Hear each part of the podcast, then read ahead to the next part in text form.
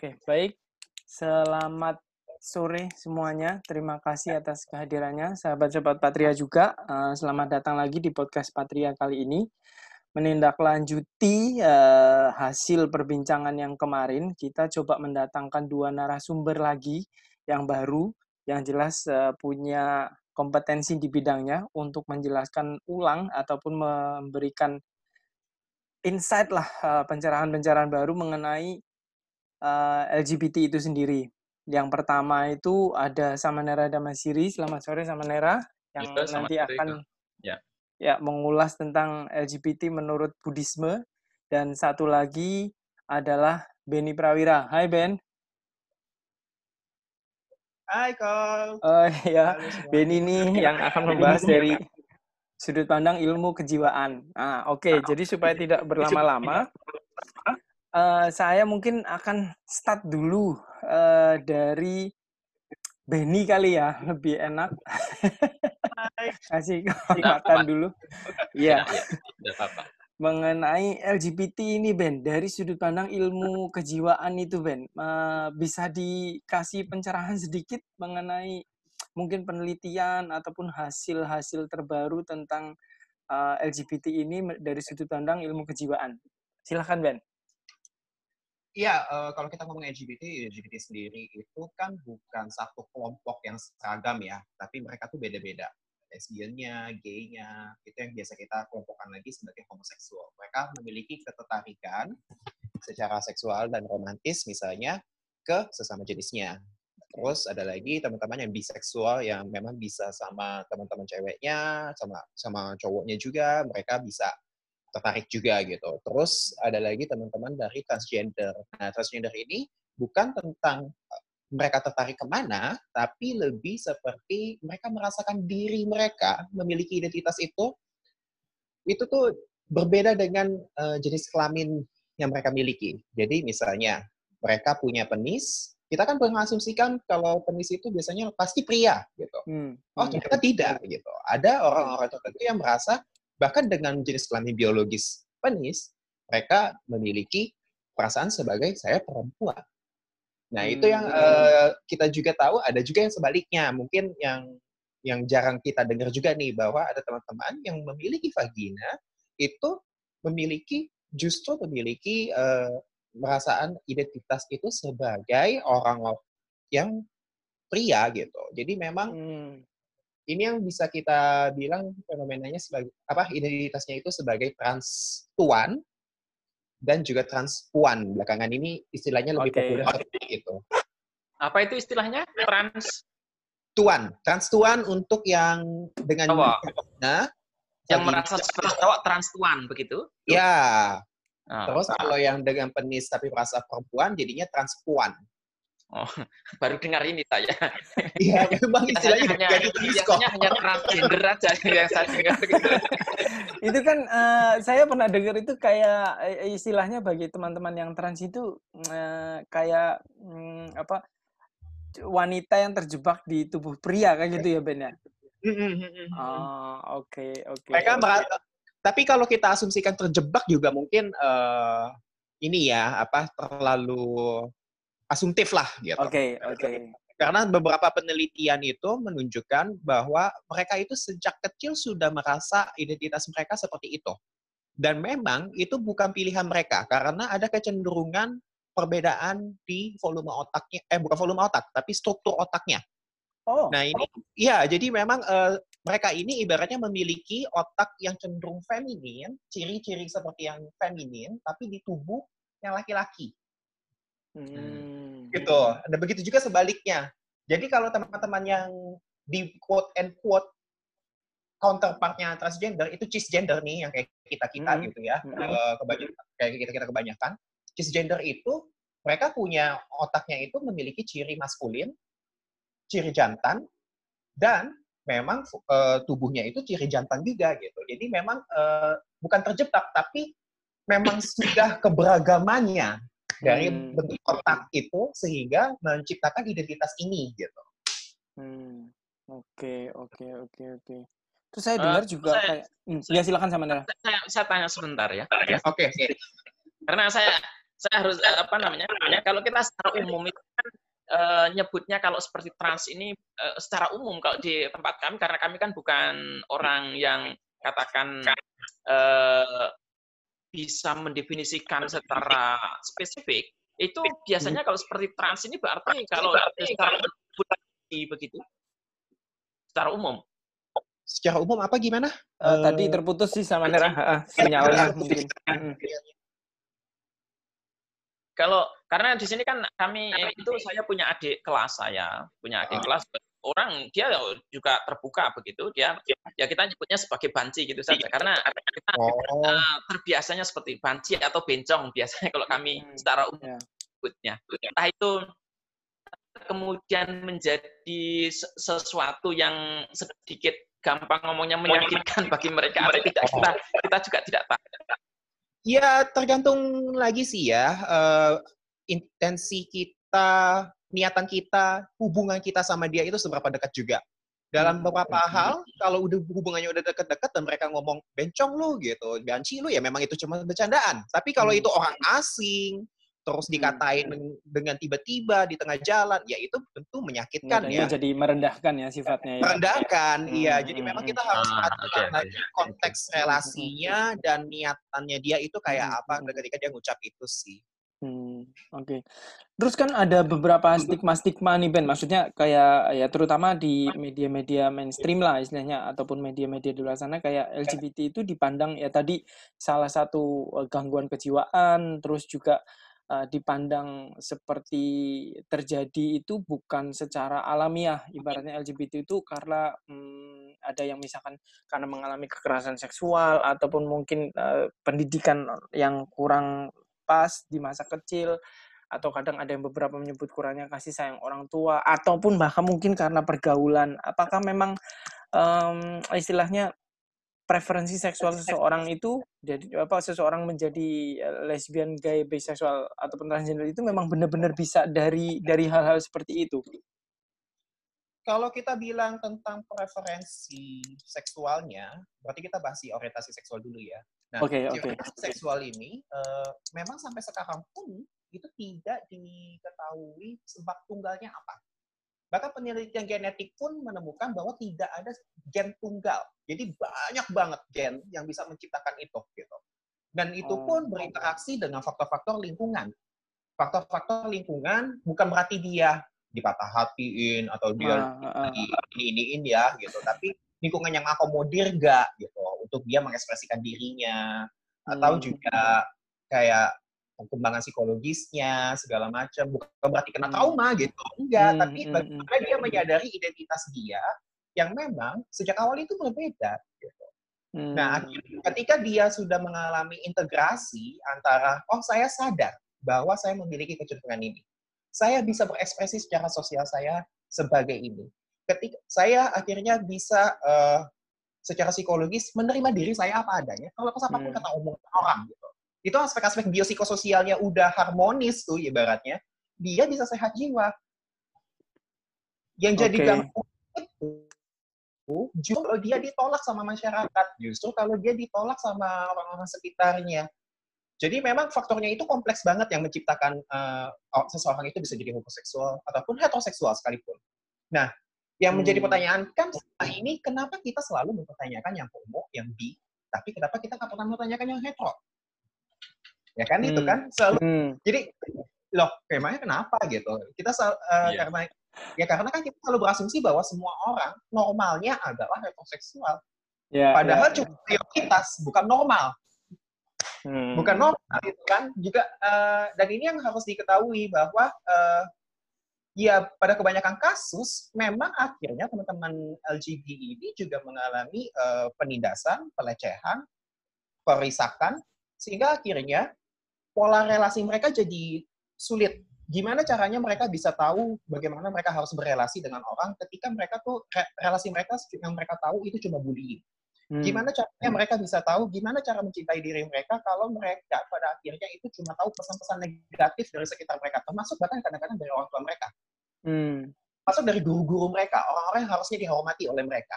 Hmm. Nah, belum lagi media kan tidak menyediakan tempat untuk orang-orang ini. media kan tidak menampilkan bahwa ada pasangan yang uh, sehat dan sejenis. Gitu. Hmm. Yang ditampilkan hmm. adalah, oh kalau kamu kelihatannya kayak banci, quote and quote gitu ya, feminin gitu, kamu jadi bahan ketawaan aja gitu. Hmm. Coba cuma jadi bahan ketawaan, kalau kamu nggak jadi bahan ketawaan, kamu dieksklud. Gitu. Hmm. Atau kamu cuma jadi bahan eksperimen untuk, uh, ibaratnya kamu bisa kok ngaku-ngaku kamu berubah gitu. Lah, hmm. kok gitu? Ya itu kan uh, yang disampaikan oleh media kan bukan penerimaan berarti kan.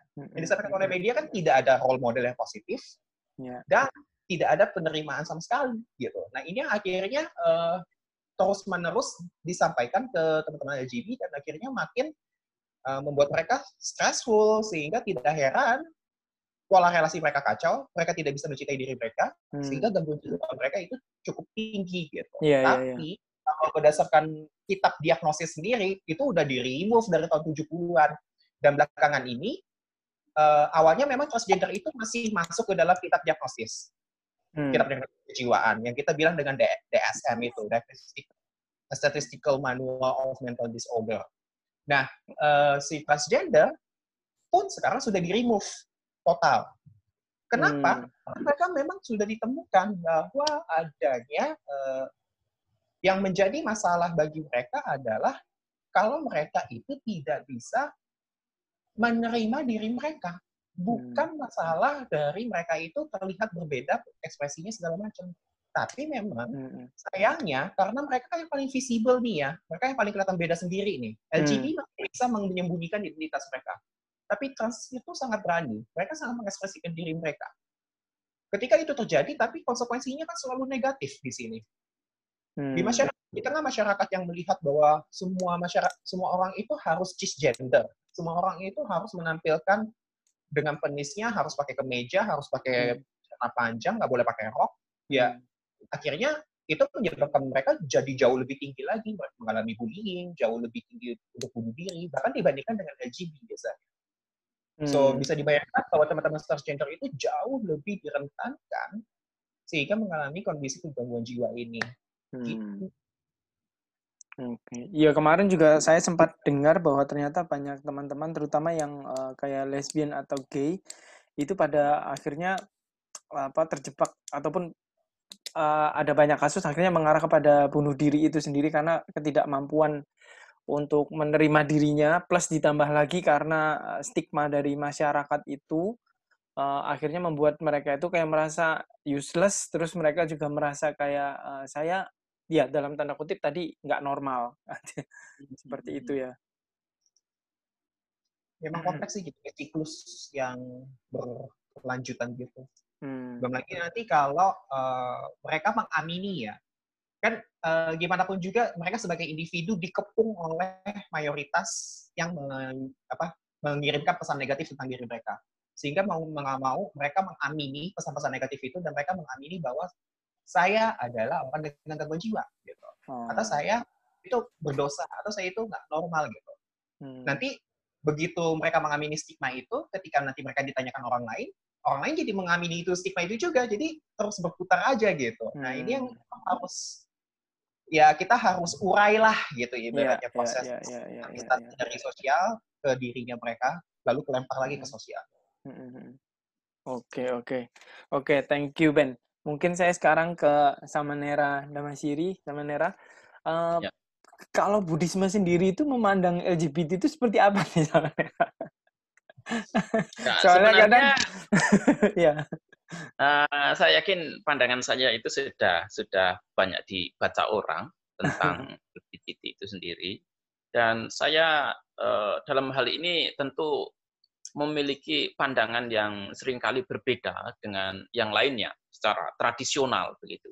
Okay. Karena eh, apa yang saya ketahui dari apa yang saya pelajari secara langsung dari Tipitaka maupun eh, kegiatan saya dalam praktek misalnya, di situ eh, secara pribadi saya melihat bahwa semua manusia, laki-laki ataupun perempuan, itu ya butuh pengakuan yang sama sebenarnya sama-sama membutuhkan pengakuan. Jadi hmm. ketika terjadi penolakan, ya akhirnya itu yang menimbulkan depresi. Gitu. Nah, masalah status gender itu sebenarnya kalau di kalangan umat awam dalam pandangan Buddhis tidak ada masalah. Tapi nanti yang jadi masalah itu ketika mereka mau jadi biku atau jadi bikuni. Nah itu Oh. status gendernya harus diperjelas. Tapi kalau Hmm. sebagai perumah tangga tidak ada.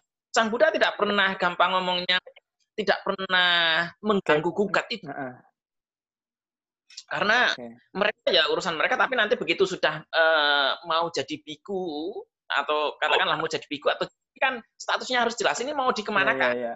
Heeh, Gitu. Ini mau dikelompokkan ke dalam eh, eh, anggota bikuni ataukah ke dalam kelompok biku? Nah Biku. itu kan yang kemudian perlu diperjelas statusnya. Nah oleh karena itu eh, status seksual itu harus jelas kalau seseorang itu mau menjalani kehidupan monastik. Tapi selama Hmm. masih menjalani kehidupan eh, berumah tangga itu tidak ada masalah sama sekali. Hmm.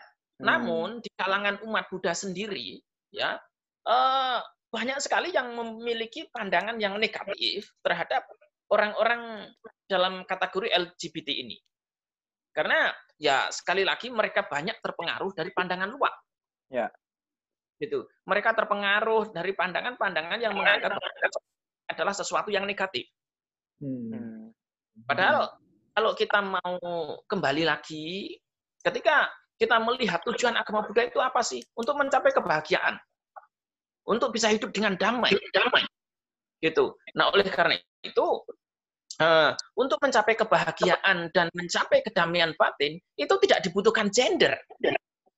Oh, Gitu. Jadi, Oke.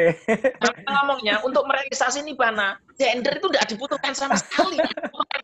Iya, Gitu iya, loh. iya. Gitu. Bahkan, kalau seseorang mau merealisasi nibbana, gender itu harus dibuang. Hmm. gitu. Gender gender dalam bentuk apa pun itu harus dibuang. Status Hmm. sosial dalam bentuk apa pun itu juga tidak dibutuhkan sama sekali. Iya, iya, iya. Karena- iya, iya. Selama seseorang itu masih terikat pada status gender atau terikat pada status sosial, di situ sebenarnya ya ya ini masih melekat pada konsep sebenarnya. Padahal Nah, untuk realisasi nibbana, semua bentuk konsep harus ditinggalkan. Oke, Gitu. oke. Bahkan oke. konsep tentang diri sekalipun itu juga harus dilepaskan kok. Hmm. gitu. Nah, oleh karena itu ketika saya mengatakan saya laki-laki. Nah, ini kan saya berarti masih memiliki status apa namanya masih masih memiliki konsep dalam diri saya. Bahwa konsep diri itu masih ada. Gitu. Atau saya ini seorang samanera loh. Hmm. Saya seorang manusia di situ status apa namanya konsep itu masih saya pegang dan semua itu harus dilepaskan. Kalau memang mau merealisasi nibbana sepenuhnya. Nah, oleh Hmm. karena itu eh, di India waktu itu tidak hanya apa namanya perempuan kan saat itu masih dianggap sebagai kelas nomor dua. Ya. Nah, tapi di zaman Sang Buddha, laki-laki maupun perempuan banyak kok yang kemudian mempraktekkan ajaran Sang Buddha, banyak yang kemudian merealisasi nibbana, apakah itu perumah tangga sebagai yang perempuan ataukah eh, para bikuni. Mereka mempunyai kesempatan yang sama untuk praktek. Kalau Hmm. kita bicara soal praktek, siapa pun Hmm. itu akan memiliki kesempatan yang sama. Hmm. Laki-laki ataupun perempuan, perumah tangga ataupun mereka yang menjalani kehidupan monastik, semuanya memiliki kesempatan yang sama. Karena ketika kita sudah bicara soal praktek, yang kita bicarakan apa sih? Hanya soal mata, hanya soal telinga, hanya soal hidung, dan eh, enam landasan indria itu saja. Tidak Iya, lebih dari itu. Oleh karena itu, siapa pun yang punya enam landasan indria, dia memiliki kesempatan untuk praktek dengan baik. Kecuali dia Hmm. tidak mempunyai enam landasan indria. Nah ini baru di itu baru bisa dipertanyakan. Ya. Hmm. Tapi intinya sekalipun itu adalah enam memiliki enam landasan indria, yang dijadikan landasan utama itu adalah kemampuan dia untuk memahami perubahan anicca. Hmm. Nah ini ini sebenarnya yang akan menjadi pintu gerbang untuk bisa eh, mempraktekkan ajaran Sang Buddha itu. Nah oleh karena itu kalau dalam agama Buddha sendiri ya secara sosial sebenarnya tidak ada masalah. Oleh karena itu seperti di Thailand, di Thailand kan diterima secara luas itu kalau eh, masalah ini apa namanya LGBT. Bahkan Iya, iya, iya. beberapa waktu yang lalu saya pikir Benny ada itu ada share apa namanya link eh, Oh, pernikahan legalisasi ya, ya di- sudah Nah, dilegalkan ya. legalisasi di- Ah, ah, ah. ya legalisasi itu sudah mulai dilakukan di Hmm. eh, Thailand Thai. gitu dan kalau seperti di Thailand kan mereka mengakui 16 gender. Tidak hanya kalau kita kenal LGBT kan berarti baru lima toh. Kalau mereka hmm. 16 gender ada gitu. Nah, oleh karena itu ya mereka jauh lebih kompleks dalam uh, pola pikirnya itu tentang uh, identifikasi terhadap gender itu sendiri. Kalau hmm. seperti di Sri Lanka sendiri, uh, di Sri Lanka sendiri sebenarnya masyarakatnya lebih banyak ini apa namanya ke heteroseksual begitu kecenderungannya di situ. Tapi saya tidak melihat secara luas bagaimana pandangan mereka terhadap uh, kaum LGBT itu sendiri. Nah, hmm. kalau di zaman Sang Buddha sendiri, apakah ada kasus-kasus seperti LGBT gitu? Ada. Jadi hmm. uh, itu kemudian masuk ke dalam sangga juga sempat gitu. Iya, iya, iya. Masuk dalam sangga. Nah, oleh karena itu ya uh, Sang Buddha kemudian mengambil sikap yang tegas gitu. gitu. Hmm. Ya, jadi dalam hal ini perlu dipahami bahwa sebenarnya kalau tujuannya itu adalah untuk praktek, tidak ada masalah sama sekali.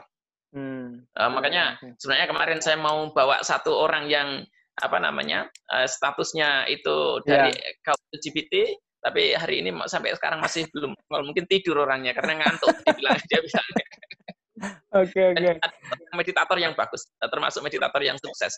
Oke gitu. oke oke. Wah mantap. Yang sukses dan kemudian oleh karena itu sekalipun sekarang ini, eh, jadi tidak hanya di zaman sang sekalipun sekarang ini Eh, status sosial, status sosial maupun status gender apa itunya apa pentingnya gitu loh hmm. itu apa pentingnya jadi di situ kalau memang tujuannya untuk praktek siapa saja bisa punya kesempatan yang sama Oke oke. Gitu. Nah kalau yang menariknya lagi sama Nera sebenarnya kan yang terkait dengan LGBT ini selalu kaitannya adalah masalah moralitasnya apakah ya. itu terkategori sebagai pelanggaran uh, sila ketiga? Kata mungkin ini juga yang jadi jadi apa ya acuan di beberapa keyakinan lain yang menyatakan bahwa hubungan seksual yang dilakukan oleh sesama jenis itu adalah uh, bisa dibilang uh, akan membawa iya akan membawa pada eh, kondisi-kondisi uh, yang buruk lah istilahnya. Biasanya kalau, kalau dalam agama Buddha disebut itu uh, perilaku atau karma buruk begitu biasanya ya, seperti ya, itu. Ya, seperti itu.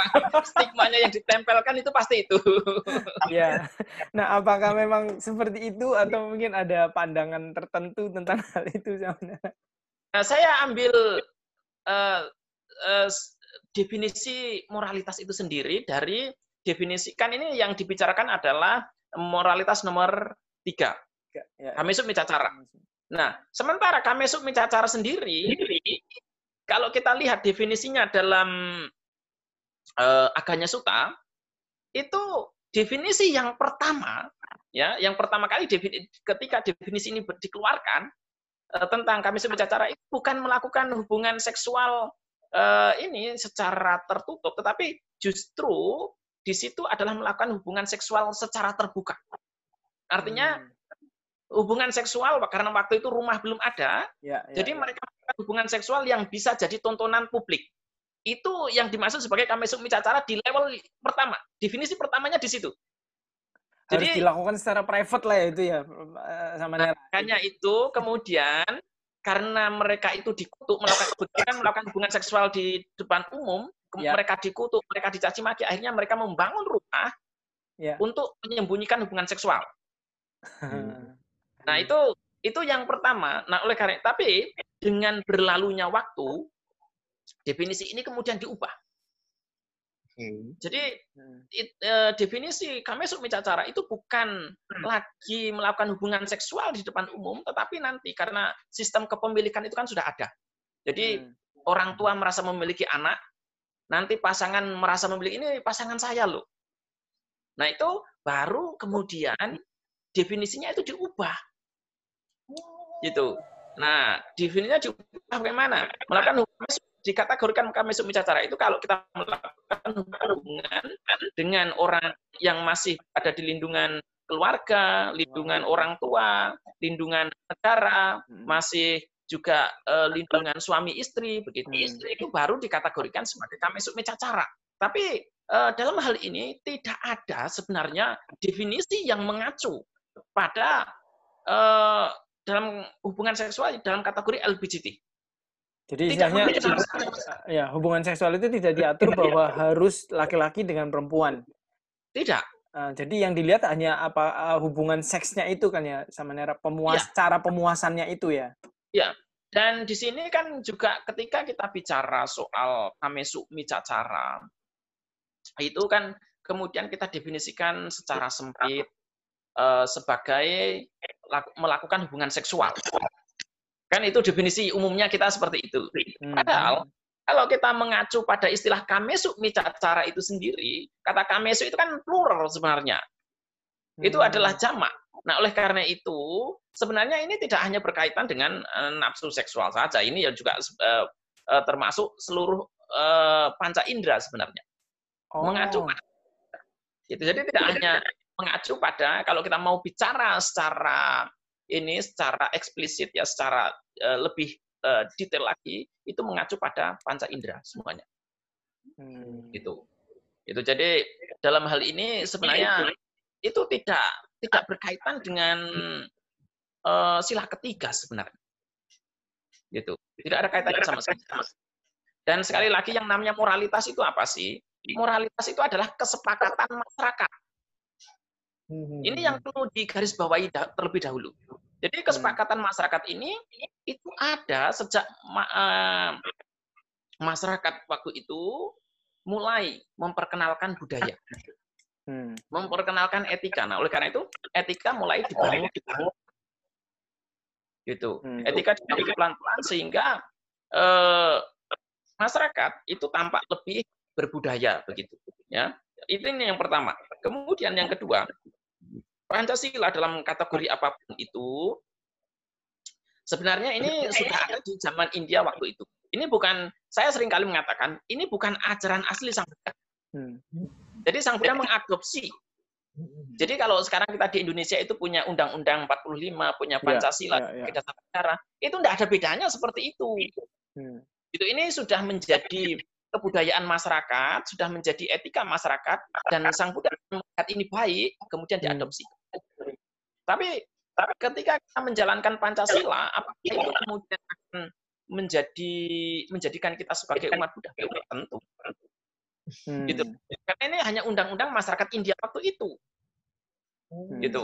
Nah, nanti akan memiliki nilai Buddhis kalau bisa dipahami dalam konteks silapata masa itu baru ada nilai Buddhisnya. Hmm. Tapi selama tidak dikaitkan dengan mata para masa, uh, umat Buddha itu hanya menjalankan nilai-nilai atil norma masyarakat India sebelum sang Buddha itu ada. Begitu. Begitu. Oh, oke, oke, oke, oke. Mind blowing. Mind blowing. Aduh, ini udah udah setengah jam aja loh. Ini udah 27 menit. Kayaknya udah mulai panas. Uh, saya cut dulu sedikit sebentar. Nanti kita akan lanjut lagi. Oke okay ya, jadi uh, stay tune. Uh, kita akan lanjut lagi habis ini.